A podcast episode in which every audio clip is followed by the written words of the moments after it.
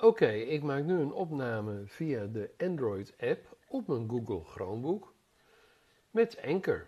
En ik ben benieuwd of ik daarbij dezelfde mogelijkheden heb als wanneer ik online werk via de browser. Want ik wil natuurlijk een uh, mooie intro hebben en een mooie outro. Uh, ik wil een beetje monteren. Misschien moet ik wat knippen. Ik heb geen idee of dat allemaal mogelijk is in de Android-app. En dat ga ik uh, nu ontdekken. Dus uh, vandaar deze opname. Stoor je er niet aan, je hoeft er niet naar te luisteren. Het is puur voor mezelf om te kijken wat er mogelijk is.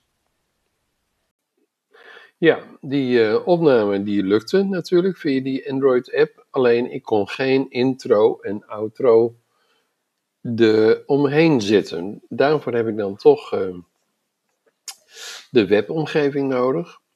Dus daar ben ik maar weer even naartoe gegaan op een Chromebook. En op zich uh, werkt dat eigenlijk ook veel prettiger dan uh, via die Android-app. Dus uh, ik denk dat dit gewoon het platform wordt voor mij om fragmenten op te nemen en achter elkaar te zetten en uiteindelijk te publiceren. Nou, en dat is wat ik nu ga doen met deze opname.